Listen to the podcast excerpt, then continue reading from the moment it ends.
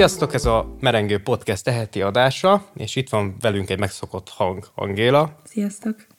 És egy nem megszokott hang, Dani, akit ezen, ezúton is üdvözlünk a Merengő csapatában. Sziasztok, üdvözlök mindenkit. Én Jakab vagyok, és a mai témáról röviden annyit, hogy erről már inspirálódtunk, és már korábban is terveztünk magáról Jeffrey Dahmerről beszélni, meg a jelenségről, de az apropója annak, hogy most csináljuk meg ezt az adást, hogy most januárban, 2023 januárjában Golden Globe díjat nyert a színész, aki eljátszotta a sorozatban, megalakította Jeffrey Dahmert. Most mielőtt belemegyünk így a témába, így elsőnek szerintem kicsit magunkról beszéljünk, és azzal kapcsolatban, hogy nektek milyen élményetek van így a, akár a kriminálpszichológiáról, akár a sorozatgyilkosokról, mennyire mélyedtetek eddig bele egy pszichológusként ebbe a témakörbe?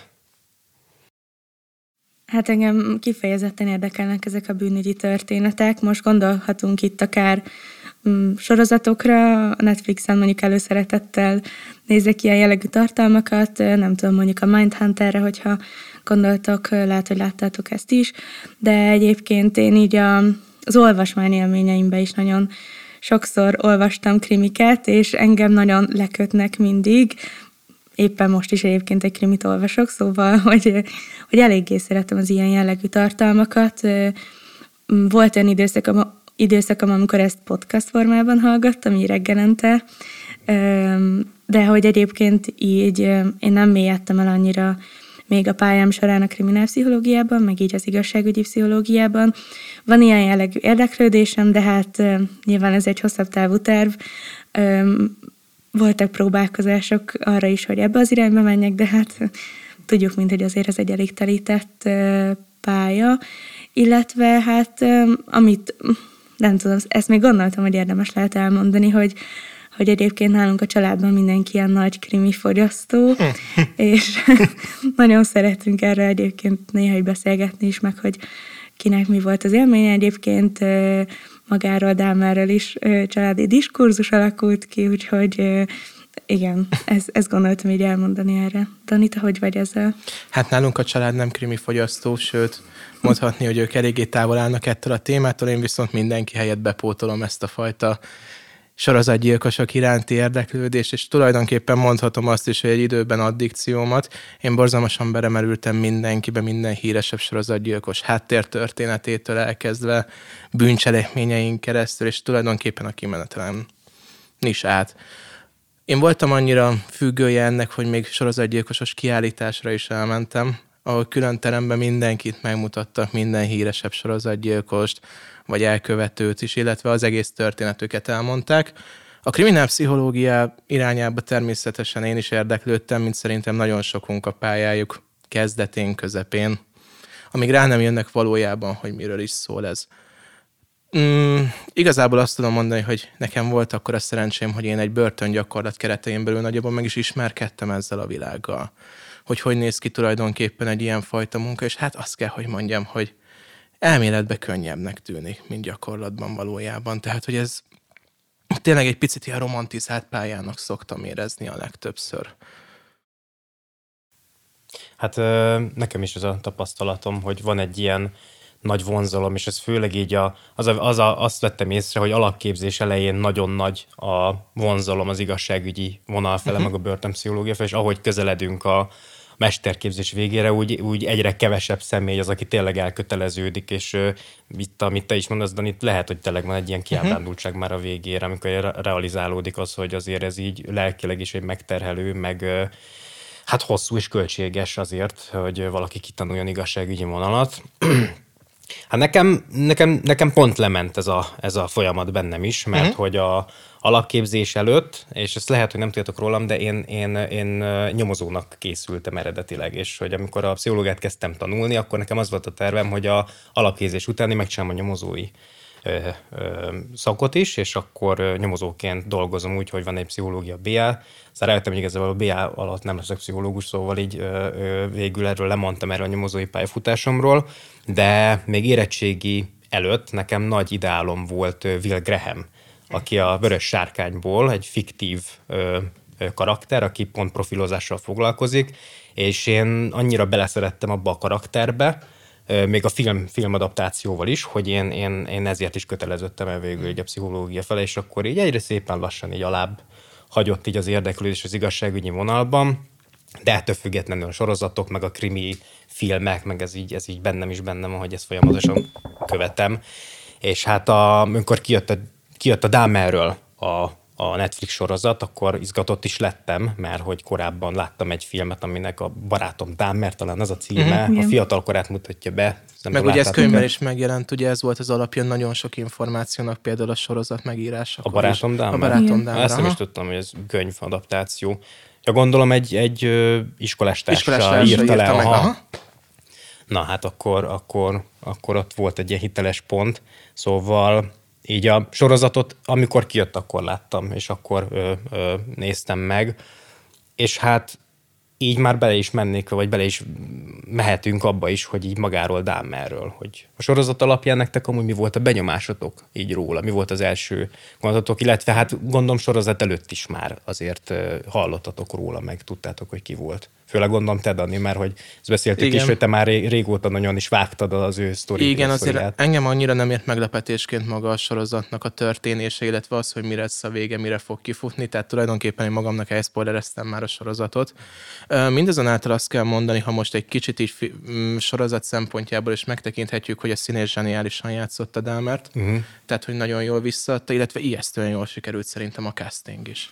Hát Tehát... nem tudom, hogy láttátok-e azt, hogy ugye fent van pont a Netflixen is egy ilyen valós felvétel, uh-huh. Conversation with a Killer néven, és hogy ott bevágnak egy csomó olyan jelenetet, amit tényleg beletettek a filmbe, és egyszerűen tényleg zseniális, hogy konkrétan szinte, mintha ugyanazt látnád. És nem csak így színészi alakításban, hanem nekem valahogy így érzésbe is nagyon átjött, uh-huh. hogy, hogy amit ők, ezek a szereplők érezhettek, most gondolhatunk itt a Dámerre, vagy mondjuk az áldozatoknak a, a családtagjaira, szerintem nagyon átjött. Hát, vagy az apjára például. Nekem hát az igen. volt a, a, a legszívszorítóbb az apja, a színész is, ahogy előadta, uh-huh. de hogy az a történetvonal, ahogy az be lett mutatva. Szóval visszaadjuk a szót, Dani, bocsi. Mm, ez egy tök jó kitekintés volt. Alapvetően nekem egyetlen egy nehézségem volt, mégpedig az, hogy nagyon sokszor azért torzított a sorozat. Tehát, hogy nagyon sokszor próbáltak neki egy olyan fényt adni, amivel egy ilyen nagyon szép magyarázatot adnak ahhoz, hogy mi miatt alakult ki ez a fajta viselkedés, mi miatt kezdte el a, úgymond a gyilkolást, az áldozatkeresést. Tehát például ugye ez egy nagyon úgymond közismert dolog, hogy amikor azt mesélik, hogy a apja hogyan tanította meg őt állatokat kibelezni, uh-huh. azért az egy nagyon erős ferdítés volt a sorozatban, és valamilyen szinten ott próbálták ugye átolni az apára azt a fajta agresszív hajlam kifejlődésének a tulajdonképpen háttértörténetét, de az például egy nagyon erős ferdítés a sorozatban. Tehát ilyen szempontból, ha bár magával ragadott, tök jó volt, tényleg le lehetett darálni az egészet. Nekem azért voltak benne olyan torzítások, ami szerintem, ha csak ezt a sorozatot nézted meg, akkor ad egyfajta hamis képet magáról a Dahmer jelenség jelenségről. Hát ebben a második évadban máshogy lesz. Biztos vagyok benne, hogy lesz a második évada, így van. Hát, igen, mondd csak nyugodtan. Szóval, hogy én gondolkoztam ezen, hogy mi volt a benyomásom már, mint így magáról a, a, a szeméről, amikor így először láttam a vásznon, és nekem valahogy jött egy olyan érzés, hogy, hogy ő tipikusan az az ember, akihez biztos, hogy soha nem szólnék hozzá, és nem azért, mert annyira ijesztő Szóval nem azért, mert egy annyira ijesztő számomra, hanem volt valami olyan visszataszító jelenségében, hogyha valahogy ilyen párbeszédbe is legyettünk volna, biztos, hogy nagyon gyorsan lekevertem volna, mert mert valahogy nem is az, hogy ijesztő volt a jelensége, hanem hogy így valahogy ilyen, ilyen nem éreztem azt, hogy ilyen nagyon komfortosan ö, lehet a jelenlétében lenni, amire egyébként ráerősített mondjuk az is, hogy, hogy például amikor megtalálták a, vagy megállították a rendőrök pont az első gyilkosságnál, ugye ők is nagyon hamar lekeverték, és ebbre több példa is volt, hogy mindegy, csak, csak mintha lett volna egy olyan érzés, hogy, hogy csak tűnjön el a színről, és hogy nekem nagyon erősen hozta ezt, de hogy mondjuk az, hogy, hogy ilyen rettegés érzés, ez mondjuk bennem nem alakult ki így, így közvetlenül a személyével kapcsolatban. És szerintem ez egy tök fontos dolog, amit most mondtál ezzel a utolsó gondolat, hogy a rettegés nála annyira nem alakult ki. Úgy, hogyha megfigyelitek a kornak úgymond a nagyobb gyilkosait, mondjuk csak a Seed behozva, azért ha ránézel az emberre, ott azért meg elfog egy nagyon erős rettegés élmény. Uh-huh. Tehát ott azért egy sokkal markánsabb, egy sokkal inkább veszélyeztető külső jelenik meg. És tök jó, hogy ezt így behoztad, mert pont a Dámernél volt az a jelenség, hogy ott nem igazán a rettegés az első gondolat, ami az eszedbe jut. Tehát nem egy ijesztő, olyan, mintha egy picit így én out of the box lenne a többi kortársához, illetve úgymond a többi gyilkos társához képest. Hát nekem ekkor, ekkor merült fel bennem a nagy kérdés, amikor nekem is ugyanez volt a benyomásom róla, hogy egyszerűen nem az, hogy nem féltem tőle, hanem tényleg nekem is megvolt az a diszkomfort érzés, amikor így láttam, de hogy nem alakult ki bennem az a, az a úristen, tényleg reszketek tőle, vagy, vagy, vagy már elkezdem félteni a saját testi épségemet akár mellette. És nekem ekkor merült fel például nagy kérdés, hogy valóban nem is az, hogy pszichopata volt, hanem, hanem, hanem ő, ő ha nem pszichopata volt, akkor mi más volt? Mert hogy azokat, a, azokat, a, azokat az ilyen igazi ö, pszichopata mm. sorozatgyilkos kar- karakterisztikumokat nem hordja. Nem Mint például a szadizmus, az áldozatoknak a, a, a, a megalázása, ö, az igazi kegyetlenség, az így nem jelenik annyira meg benne. Hát szerintem éppen azért is van az, hogy még igazából a szakemberek mai napig vitatkoznak arról, hogy, hogy tulajdonképpen őt elmebetegnek titulálják-e vagy sem. Pedig, pedig elvileg diagnosztizálták, amikor voltak a tárgyalások. Jó, három különböző diagnózist kapott a tárgyalás alatt, és azóta még kettőt hát, ráillettek, tehát hogy azért az, hogy diagnosztizálták a dámert, azért az egy nagyon erős kifejezés, inkább lövöldöztek, hogy mi lehet valójában. Uh-huh, uh-huh. Hát meg nem tudom, 91-ben melyik DSM kategória volt, vagy mi volt az ilyen klasszifikációs Most ugye a legnépszerűbb elmélet az, hogy egy összehasonlítás szempontjából, hogy ő volt a filmtörténetben az Anakin Skywalker Darth Vader páros, tehát hogy ő a mm. sorozatgyilkosok borderline-ja. Mm, hát. Tehát jelenleg most ez a legnépszerűbb elmélet ezzel kapcsolatban, de hogy ez most így is fog maradni, vagy az jelen pillanatban a pont a borderline diagnózisnak a népszerűsége miatt adták oda ezt, és neki azt de most én nem fogok tudni választani, uh-huh. de jelen állás szerint most ez a hivatalos elmélet, hogy ő egy érzelmi labilis személyiségzavarban szenvedett. Hát igen, csak ugye itt megint kicsit bejön az, hogy valójában ezt, tehát, hogy ezt mi sem fogjuk tudni itt nem, elmondani, szerintem ez fontos kimondani, hogy ezek így el, nekünk kicsit ilyen elméletek, elméletek. és... Persze, hát gondolj hmm. bele, hogy csak amióta lezajlott ez a dolog, öt különböző diagnózisa volt. Tehát nem, nem, nem lehet megmondani. Nem beszélve arról, hogy ez milyen úgymond fia, friss dolog, mert hogy 91-ben kapták el, borderline zavarral mikor kezdte 60-as évek, 70-es években kezdtek el foglalkozni, és a sorozatgyilkosokkal is szintén, és most 2020 háromban akár, vagy nem, most a 20x-et akartam mondani, most a 20-as, 2020-as években elkezdünk még ö, ö, zavartan, tehát hogy, hogy nagyon-nagyon bizonytalan, és én is egyetértek, hogy ezt így nagyon nem lehet kimondani pontosan ő, milyen kritériumrendszernek ö, fele, ö, mondható. De azért azt is fontos kijelentenünk, hogy ettől függetlenül nem lehet elvitatni azt, hogy egyébként ő tényleg a címnek megfelelően egy szörnyeteg volt. Hát ezt nem lehet elvitatni. Tehát, hogy ezt azért hangsúlyozzuk ki, hogy azért az a cím az nagyon találó lett ennek a sorozatnak. Mert idézet jutott, egy idézet jutott eszembe, amit egy, egy Dr. Hikinek hívják talán, akinek volt, volt szerencséje a Dahmer anyját meginterjúvolni, mm. egy, egy amerikai klinikai szakpszichológus, és neki volt ez a, vagy ilyen interjúnak a végén mondta az, hogy, hogy szörnyeteg volt a Dahmer, igen, hogy rossz ember volt-e, hát ez komplex. És ezt így fejezte ki.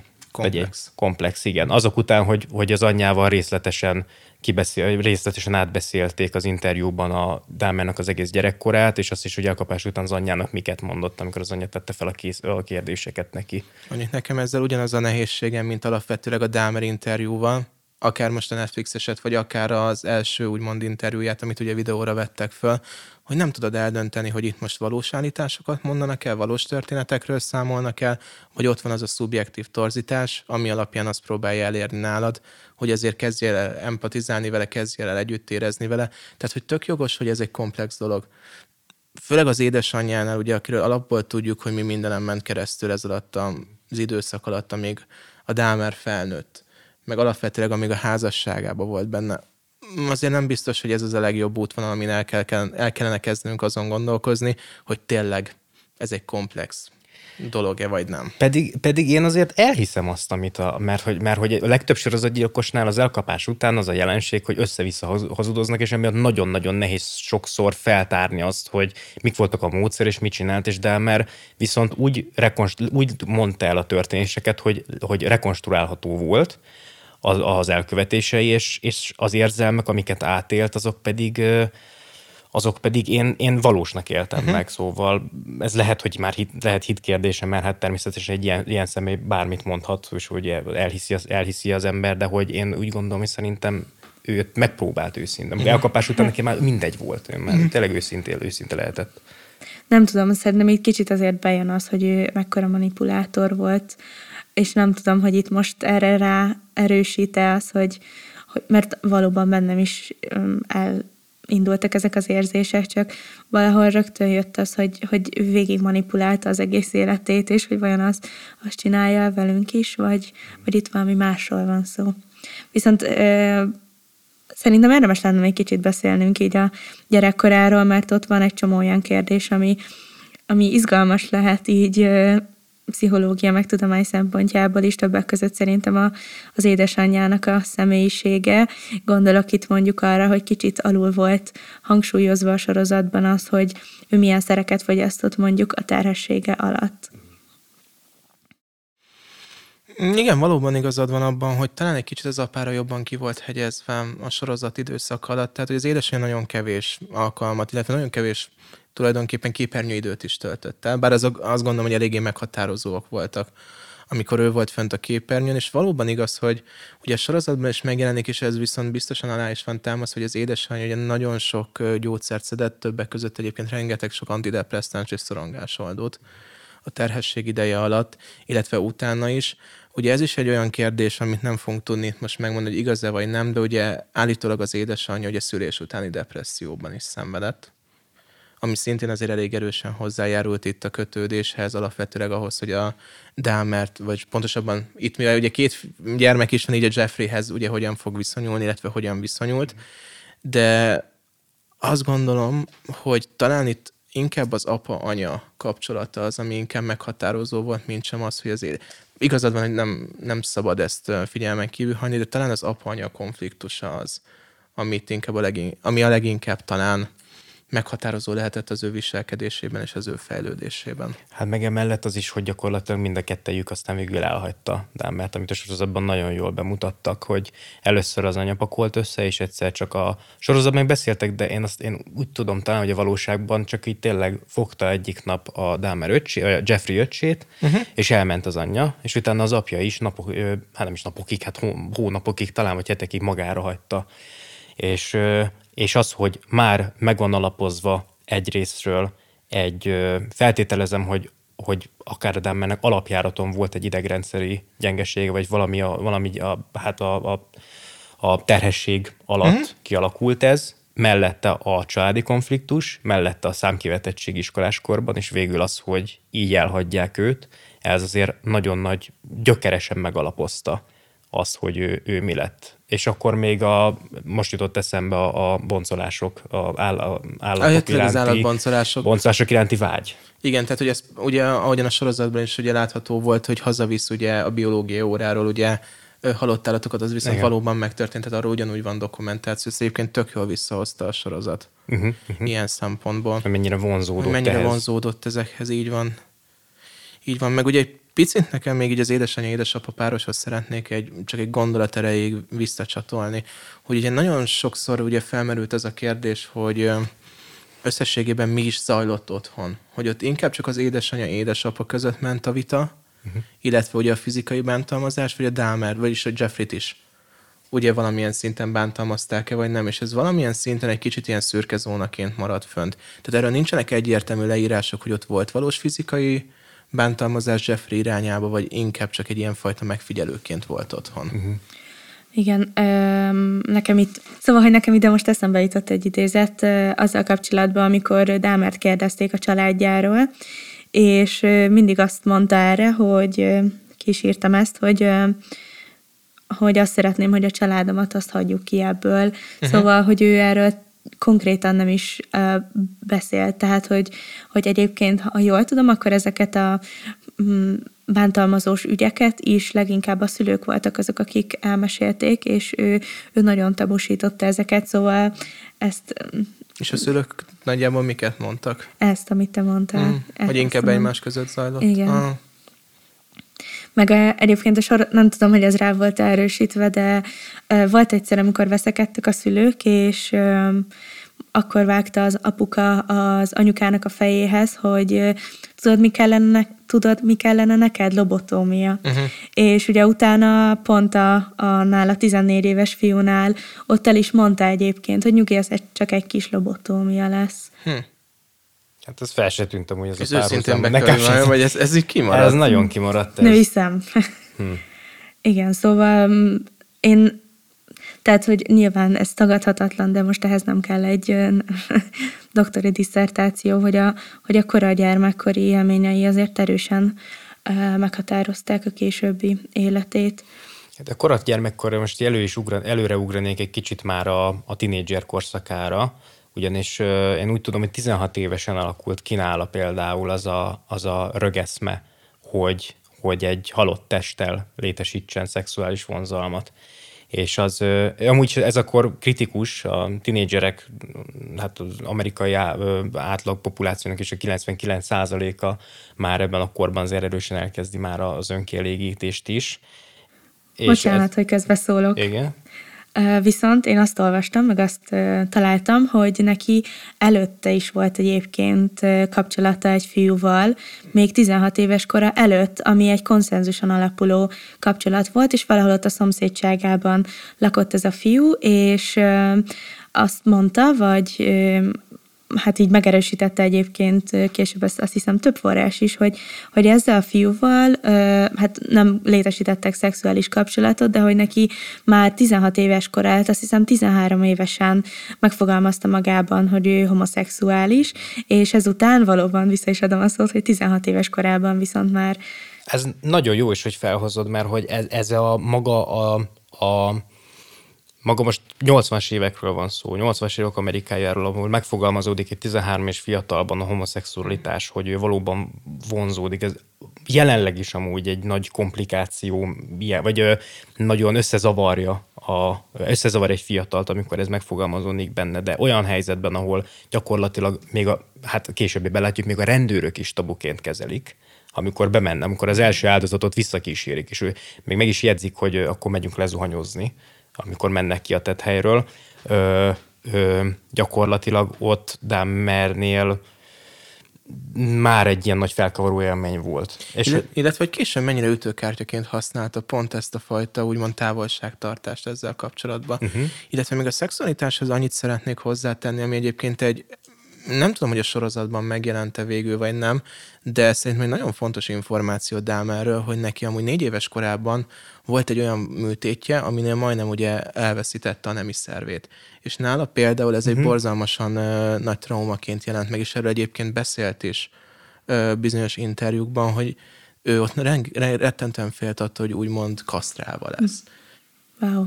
Ezt nem tudtam. Sérműt, valami sérműtéte volt talán, vagy nem is tudom, mi volt. Ö, nem tudom pontosan, hogy melyik szerv részét kellett ott műteni, vagy nem. nem. Nem emlékszem már, de nem veserémlik. De a lényeg az, hogy, hogy ő neki például onnan maradt egy gondolata, hogy ő el fogja ezt egyszer veszíteni. Tehát, hogy ez is egy borzalmasnak szorongás, kasszációs szorongás. Hát ez egy anali- pszichoanalitikus kell ehhez, hogy itt ezt így most így levezesse. Csak hogy... hogy arra gondoltam, hogy szerintem ez is egy fontos, úgymond tényezője lehetett ennek a kialakulásának, és például tök érdekes, hogy erről egy szót sem említettek uh-huh. a mhm. sorozatban, de amúgy az egyéb ilyen interjúkban megjelenik ez a mhm, gondolat. Uh-huh. Hát a műtétről volt csak szó, meg az, hogy az apja azt mondta, hát az apja szemszögéből mondták el a műtétet, ő utána megváltozott. De hogy így a, így belegondolva az, hogy egy fiatal fiúnak az elméjében 13-16 éves korában, amikor már a, ez a félelem még medne van, uh-huh. a homoszexualitással való szembesülés, illetve az, hogy vonzódik a, egy halott testhez, egy, egy, egy, egy, egy magatehetetlen dologhoz, az az, ami szerintem az első gyilkossághoz végül kivezetett.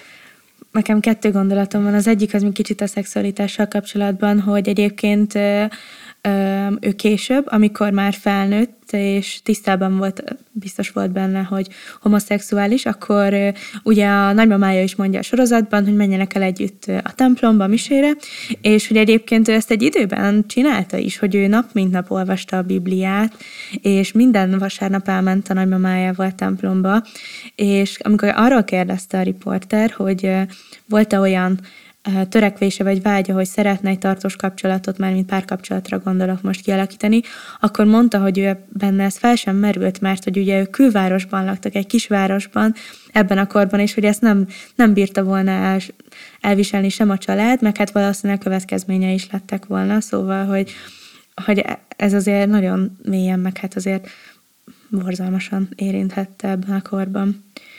És hát igen, és még azt akartam kérdezni, hogy tudjátok-e, hogy, hogy mi volt az első olyan élménye, amikor szeretett volna egy eszméletlen férfi testtel bármit kezdeni? Nem tudok most erre hirtelen válaszolni nekem a, neked. Nekem a bábú jutott eszembe. De... Az előtt is volt, képzeld egy. Na.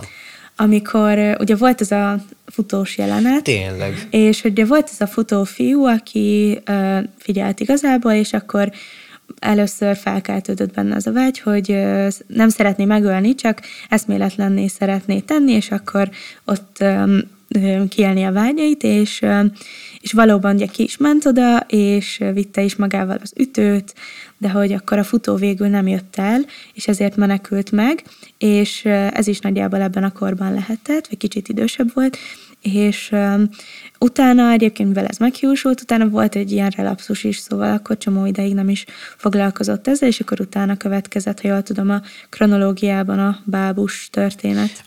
Még előtte, pont, pont az első gyilkosságnál ezt élte ki. Ami, ezt, pontosan ezt a vágyát a futóval, Persze, hogy amikor végre ott volt előtte, az, amit már, már nem tudom hány éve ö, ö, kialakult nála egy obszesszió, mm. és ott volt az első alkalom, ezt hogy kiélhette, és ezután történik az a bizonyos kilenc év, amikor végül nem Nincs gyilkolt, semmi. és nem volt semmi, kvázi, de mindjárt mondok egy, egy érdekességet, hogy nem volt semmi.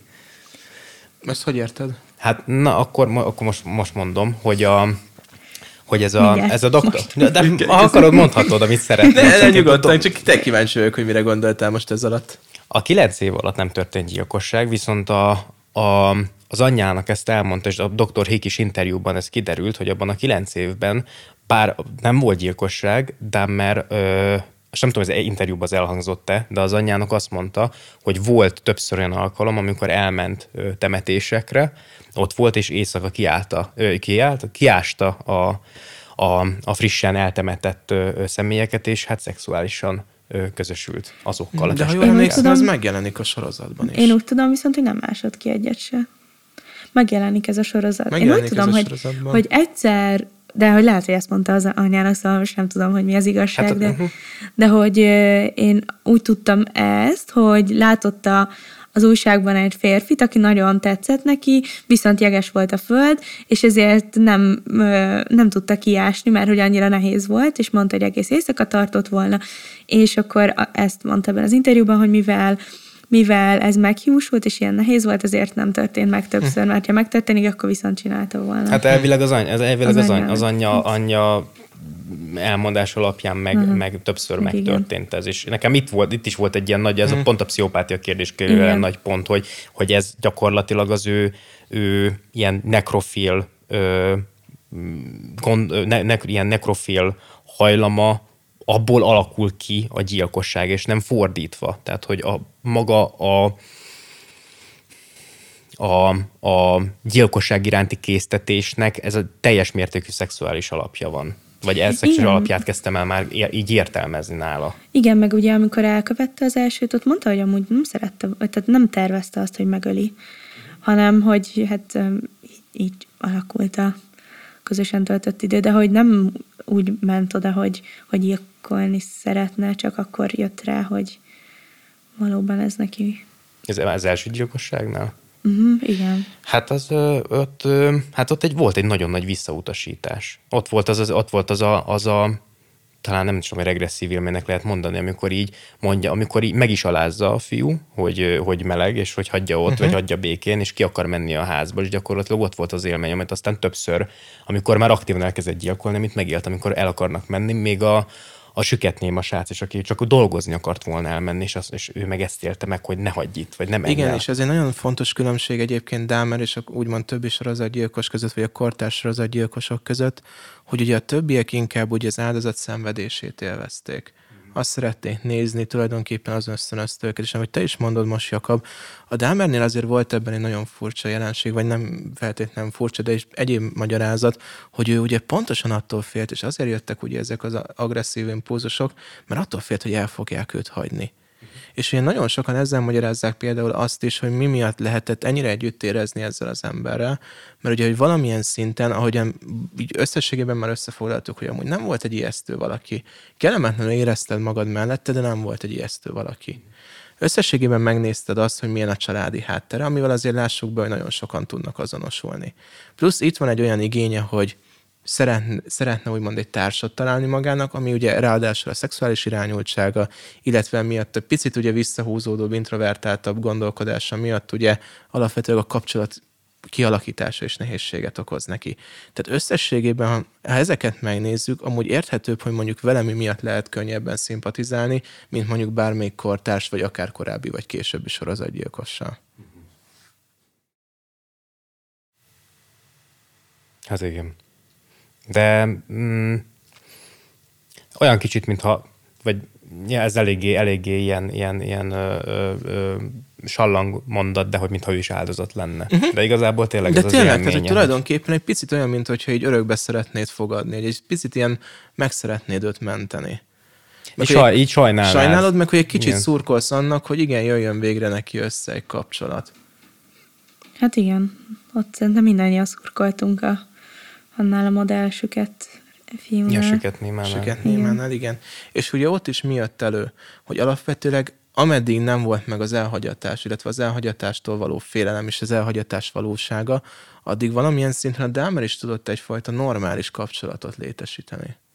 Én azt látom, hogy az élettörténetében, hogy annyi olyan pont van, ahol ahol kialakíthatott volna egy gyilkosság mentes életvitelt, és annyi helyen bukott ezzel, hogy emiatt vált tényleg szörnyeteggé, és hogy az alkoholizmusáról például még nem is beszéltünk, de hogy az Valóban. milyen hatással mm. volt a, az ő tetteire, hogy a masszív alkoholfogyasztás, hogy, hogy ahhoz, hogy, hogy a másik, másikat el tudja, káb, el tudja kábítani, neki, ahhoz a, neki mindig alkoholt kellett, kellett fogyasztani, józanul nem tudta megtenni például. Hát de ugye ez pont minek köszönhető? Ugye azért, mert megvolt ez a fajta introvertáltság, hiszen gondoljunk bele, hogy mit csinált ő otthon, ami mondjuk a szülők veszekedtek. Hát visszavonult, uh-huh. háttérbe vonult. Azért látható volt, meg tudható az is, hogy az iskolában se ő volt a legnépszerűbb gyerek. Ugye ott van az a nagyon híres ugye jelenet is, amikor be, beáll a fotózásra, Igen. a jó tanulók fotózására, és utána őt kisatírozzák meg van egy olyan ö, emlék is róla, hogy ugye nagyon bulingolták az osztálytársa, és valamilyen gúj nevet adtak neki, vagy nem tudom pontosan, hogy mit, mit mondtak neki, és hogy ezt végül ő magától elkezdte mindig csinálni, hogy akkor ezen nevessenek, és így fordította. Ez a do the Dahmer, ez I, volt na. a szöveg, amit mindig mondtak, hogy, hogy, izé, hogy valaki Dahmerezik egyet, vagy mm-hmm. nem igen, is tudom elfordítani. És mondta is az egyik osztálytársa, hogy már nagyon fiatalon, ugye mindig ott volt nála az alkohol, és amikor megkérdezték, hogy mi ez, akkor mindig mondta, hogy ez csak a gyógyszerem. Kicsit felazította azokat a nem, gátlásokat. Igen, igen. És segített neki. Kicsit. Hát önmedikalizációs elmélet. Igen. Hogyha annyi nagy szakszavakkal kell dobálózni. Hát igen, csak sajnos nem, nem, csak, hogy nem segített, hanem még, hát, még jobban rontott az ő, igen. ő állapotán.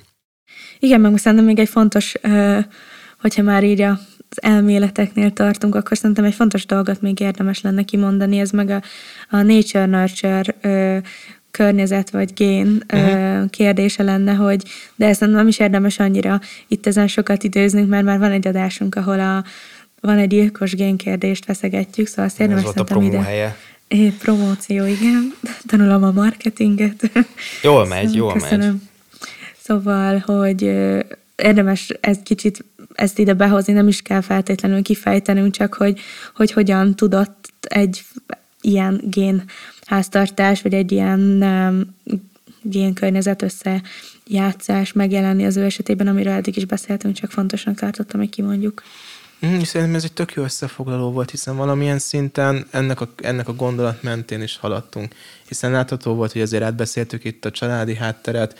Mm, talán egy ebben a fajta génrészben annyira nem mentünk bele. Tehát, hogy mi az, amit mondjuk örökölhetett, bár ezt annyira nem is tudhatjuk. Én ennek próbáltam amúgy utána Aha. nézni, mert érdekesnek találtam, de hogy nem nagyon nyilván hát nem annyira volt akkor még a tudomány, főleg a, a genetika ilyen szinten szerintem, de hogy nem nagyon találtam erre vonatkozóan semmit, meg hogy így uh-huh. a felmenőkről sem, nyilván a nagyszülőkig, de azon felül nem találtam ilyen konkrét adatokat, de hát mai fejjel érdemes lenne. Meg hát, ahogy le is zárul a sorozat, ugye az agy kérdése, nem is nagyon volt lehetőség arra, hogy ilyen jellegű információkat találjunk szerintem róla, de javítsatok ki, hmm. nektek van. Hmm, tényleg erről szólt ugye az, hogy tulajdonképpen magát genetikai információt nem nagyon tudtak, inkább ugye azon mentek végig, hogy milyen diagnózisa lehet, de ugye a sorozatban is van egy nagyon jelentős jelent, ami elég erősen megpedzegeti ezt, hogy ez most öröklötte, vagy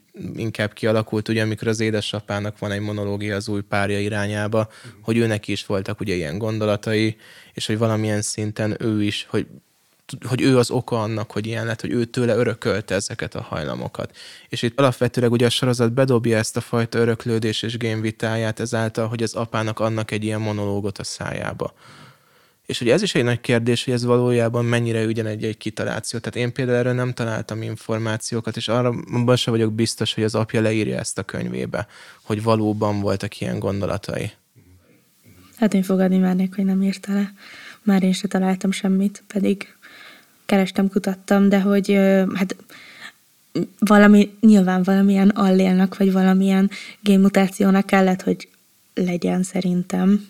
Na igen, csak ugye ez a kérdés, hogy ugye itt jön be ugye mondjuk akár a valószínűségi okságnak a lehetősége, az, hogy valójában mi okozhat ezt, hogy oké, okay, van egy génünk, ami mondjuk ö, tényleg mondjuk rizikós, hogyha megjelenik, és mondjuk nagyobb esél alakulhat ki olyan génnel, vagy olyan alléllal, mondjuk egy agresszív viselkedés. De hogy mik voltak azok a tényezők, amik ezt úgymond elindították? Hogy trigger hát mik voltak a trigger pontok? amiket elmondtunk.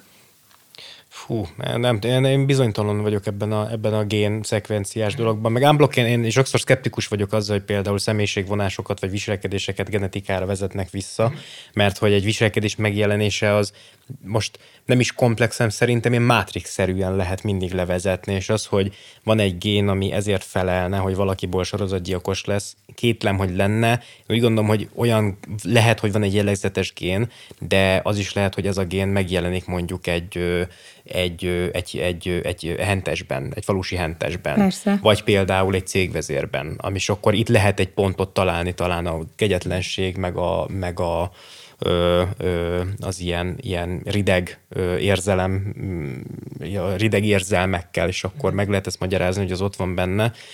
Én Dahmernél én feltételezem, hogy Jeffrey Dahmernél, hogy, hogy ha benne is volt akár a gén, és az, a gyerekkori élettörténete után is nagyon, ha nem történt volna akár meg az első gyilkosság, akkor nagyon sok ponton vissza lehetett volna fordulni. És, és egyébként ez egy tök jó kérdés, és pont erre szerettem volna egy kicsit átvinni, hogy alapvetően tök sokat beszéltünk arról, hogy hol csúszott el a dolog, vagy hogy mik lehettek úgymond a rizikófaktorok, vagy egyéb tényezők, de hogy mik lehettek volna azok a pontok, ahol valójában ezt mondjuk meg lehetett volna állítani, vagy akár visszafordítani.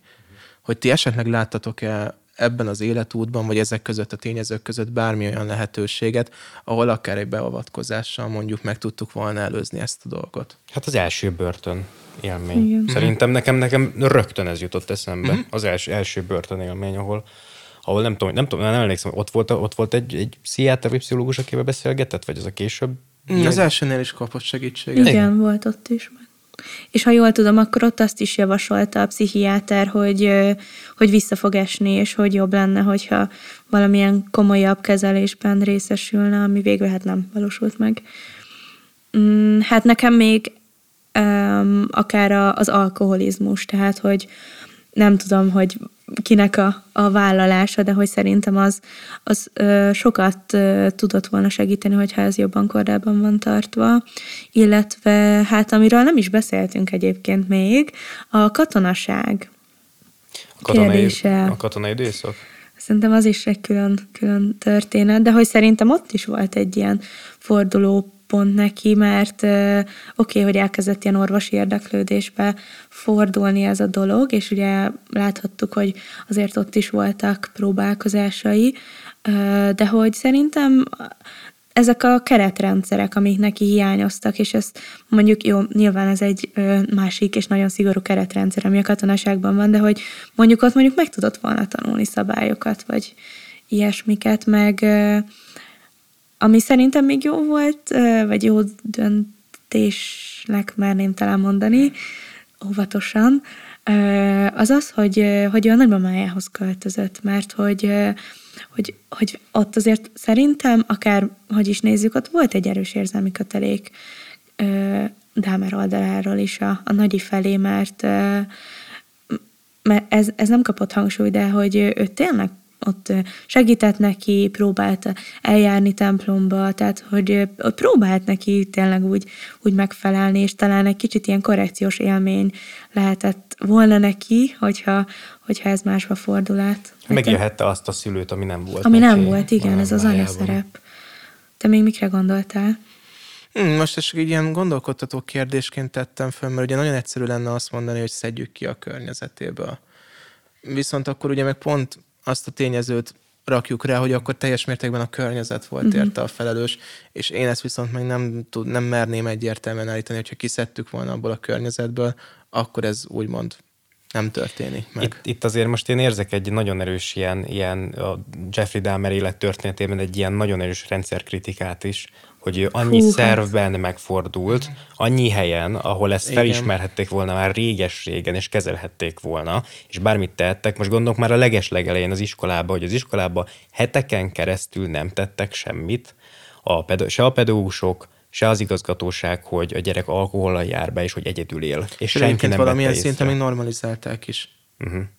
Hát úgy voltak vele, hogy jó van, de merkölyök, az mm. mindig ilyen kis fura, Persze, néha, néha furán viselkedik bent, aztán... Javítok, legitimizálták ezt a szót, kerestem. Még. Aha. Tehát, mhm. legitimizálták ja, tulajdonképpen az ő viselkedését, tehát hogy folyamatosan kapott egy megerősítést, hogy csinálja, azt uh-huh. vette észre, hogy szociálisabbá válik, azt vette észre, hogy jobban elfogadják, hogy ezeket a tevékenységeket csinálják. Tehát folyamatosan kapott egy pozitív megerősítést. És biztos az elején még zében, sunyiban, fiú WC-ben szodatott, aztán utána, amikor a legitimizálás miatt kényelmesebb volt, az osztályteremben már nyíltan vette elő a, a, a Rocky Cellárt.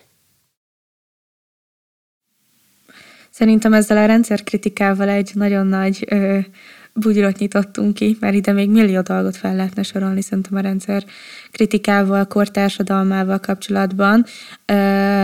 Egyébként itt kicsit nekem bejön az a kérdés is, hogy amit te is pedzegettél, hogy most kiszedni, vagy hogy elmérázhatunk azon, hogy mi történt volna, ha, meg mi történt volna ekkor, meg akkor, de hogy szerintem azt nehéz lenne eltagadni, hogy egy ilyen traumatikus élettörténet, mármint az elejére gondolok most a nagyon fiatal korára, valahogy kiütközött volna, hogyha kiszedtük volna ebből a környezetből, szerintem.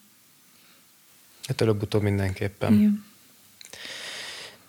Igen. Én, még egy, van egy fact amit nagyon szerettem volna elmondani, Na. hogy tudjátok-e, ez nem annyira ide tartozik, hogy tudjátok-e, hogy amikor ugye ő bekerült a, a börtönbe, amikor már elkapták, akkor kapott Először egy... vagy másodszor? A másodszor, másodszor. másodszor. Akkor ő kapott egy, ugye, egy, egy ügyvédet, vagy nem tudom, ügyész, nem fogalmam sincsen, hogy milyen fontos megnevezése, és képzeljétek el, hogy ő egy ilyen idősebb férfi ezt az ügyet egy pályakezdő nőnek ö, ítélte ki, akinek élete egy első ö, ilyen kihallgatós, nagyobb volumenű ügye volt ez, és ő vitte végig az egész Dahmer ügyet. Azt hiszem pont ő is ilyen 25 éves kora körül lehetett, és nagyon érdekes szerintem ez a fanfact. Várj, ő, volt, aki védte Dahmert? Igen. Akkor ez, elég, ez eléggé mély vízbedobás azért. Igen. Az komoly. Hát Kicsit megalapozza a. Megalapozza, az kicsit, meg. az biztos, hogyha... Egy mészállási interjú, mi volt az első, vagy milyen ügyeid voltak eddig? Hát Jeffrey Dahmer. és, me, és hány évre ítélték végül? 970, nem tudom mennyi volt. Igen, ugye nem biztos, hogy jól fogom mondani. Most gondolva. Hát ezt nem tudtam. de ez, ez érdekes. Nagyon sokat beszéltünk a sorozatról, és nagyon-nagyon szerintem nagyon jól átbeszéltük eddig azt, hogy, hogy Dahmernek a, a személyes élet történetét. Én, én egy picit most beszélnék arról, hogy mi volt az ő külső megítélése, ugyanis maga a sorozat és a Golden Globe díj is úgymond kicsit behozta Dámert újra a közbeszédre, de korábban is azért eléggé... Ő azért egy eléggé népszerű így van. személynek számított. Szóval igazad van, hogy behozta a népszerűség, meg újra ugye közhangulatba hozta, de ugye ő azért Amerikában, mint tehát napi szintű téma volt, nem úgy, hogy minden családháztartásban, de ugye azért azt mondta valaki, hogy Jeffrey Dahmer volt, igen. azért úgy nem volt egy olyan nagyon idegen, azért, hogyha mondjuk itt Európa szinten kezdtél el volna gondolkodni azon, hogy ki az, hogy Jeffrey Dahmer, nem feltétlen uh-huh. mondták volna meg. Hát igen, meg amúgy is szerintem ezek a sorozatgyilkosos történetek most nagyon nagy népszerűségnek örvendenek, különösen hát azért is van róla ennyi sorozat, meg ennyiféle tartalom, szóval, hogy ez is hozzájárult szerintem a népszerűségéhez, meg hát az is, hogy szerintem, hogy nekem vannak ilyen ö, naív, ö, személyes elméleteim azzal kapcsolatban, hogy ezek miért lehettek ilyen felkapottak. Uh-huh. Na, mik azok az Nem mondják, na. Tehát gondoltam komolyan. Szóval, hogy Szerintem a társadalomban, mármint a mai társadalmunkban, a 2020-as években. 2023, 23-ban amúgy, Angéla. Szó, bocsánat, szóval. Tehát, hogy egyébként is szerintem a társadalomban van egy ilyen nagyon nagyfokú öm, elfolytott agresszió, vagy ilyen elfolytott dű, ami mondjuk gyerekkorban meg tud jelenni magatartásbeli problémákban, de hogy, hogy ezeknek mondjuk a, a megfelelő levezetés, ez még nem történik meg. Tehát gondolok itt arra, nem feltétlenül fizikai agresszióra, vagy bármi nemű ilyen cselekedetre gondolok, hanem így a dűnek a kiengedésére, szóval, hogy, hogy arra, hogy akár a rendszer szintű, vagy akár az egyéni szintű problémákról megfelelően tudjanak az emberek vitázni, beszélgetni, és ezért ezeknek valahol ki kell így csordogálnia, szóval, hogy így... Levezetődnie, manifestálódni. Igen, manifestálódni, és nekem ez az elméletem, hogy ezért lettek ezek ilyen ennyire népszerűek. Ö, amúgy ez szerint, nekem nagyon tetszik az elméleted, mert hogy ö, ö, valóban benne van a korszellemben ez, hogy az olyan tartalmak, tehát ilyen tartalmak vonzanak, ami, ami akár lecsakrázza a, a, a nem ingert akarok mondani, hanem mi a neve? Na. Stimulál. Kösz, na, megvan, stimulál. Ősz kérdez bármikor. Csak rám néztél, rögtön tudtam, hogy mire, hogy izé, az, az, az a szó. Tehát az ilyen stimuláló ingerek, én, nekem is van egy hasonló elméletem, ami inkább arról szól, hogy, hogy hasonlóképpen, hogy mi vonza az embert, hogy én, én azt látom, hogy van azért már a 2020-as években egy ilyen pszichopátia kultusz, vagy egy ilyen nagyon nagy vonzalom a pszichopátia, pszichopátia iránt. És szerintem ez nagyon is szerintem érthető, mivel a, egy pszichopata személy az egy olyan valaki, aki nem szorong, aki eléri a céljait, aki képes hideg érzelmekkel funkcionálni, és, és hát most sikeres. És ez mind olyan tényező, amivel gyakorlatilag, ha bemutatnak egy, egy, egy, egy Hannibal Lectert, vagy egy, most egy fiktív karaktert, vagy egy Ted Bandit, akkor az az élmény jön át, hogy ez, ez, hogy ez a személy megcsinálta.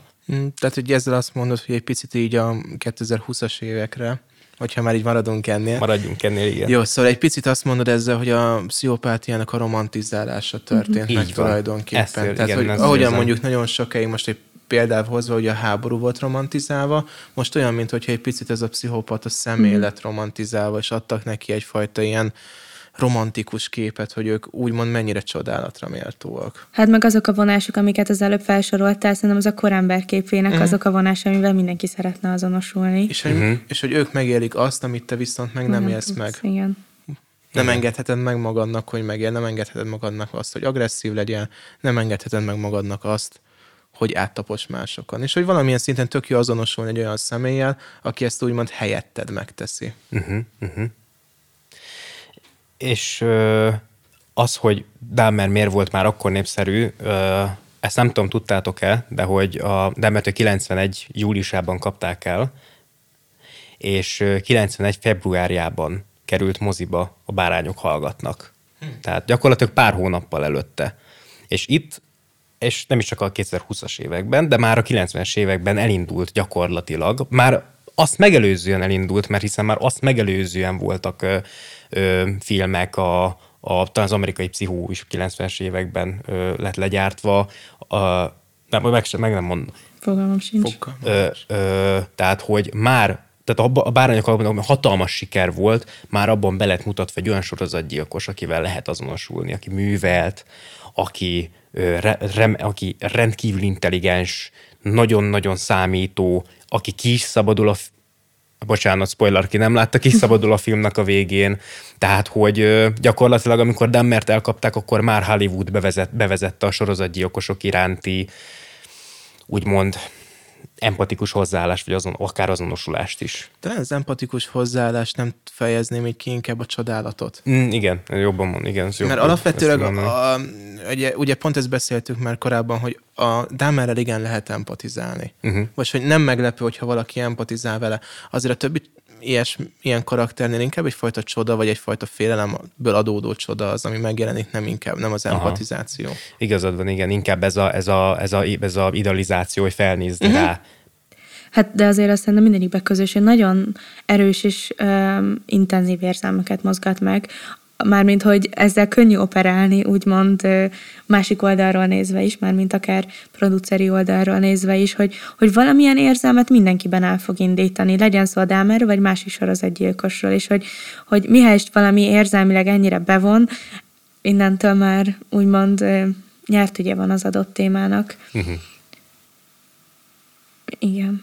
Ja, és még van egyetlen egy elmélet, ez hozzátok képes nem saját, de tulajdonképpen ez volt az egyik legismertebb és a legtöbbet úgymond idézett elmélet, hogy mi miatt lettek annyira népszerűek a sorozatgyilkosok.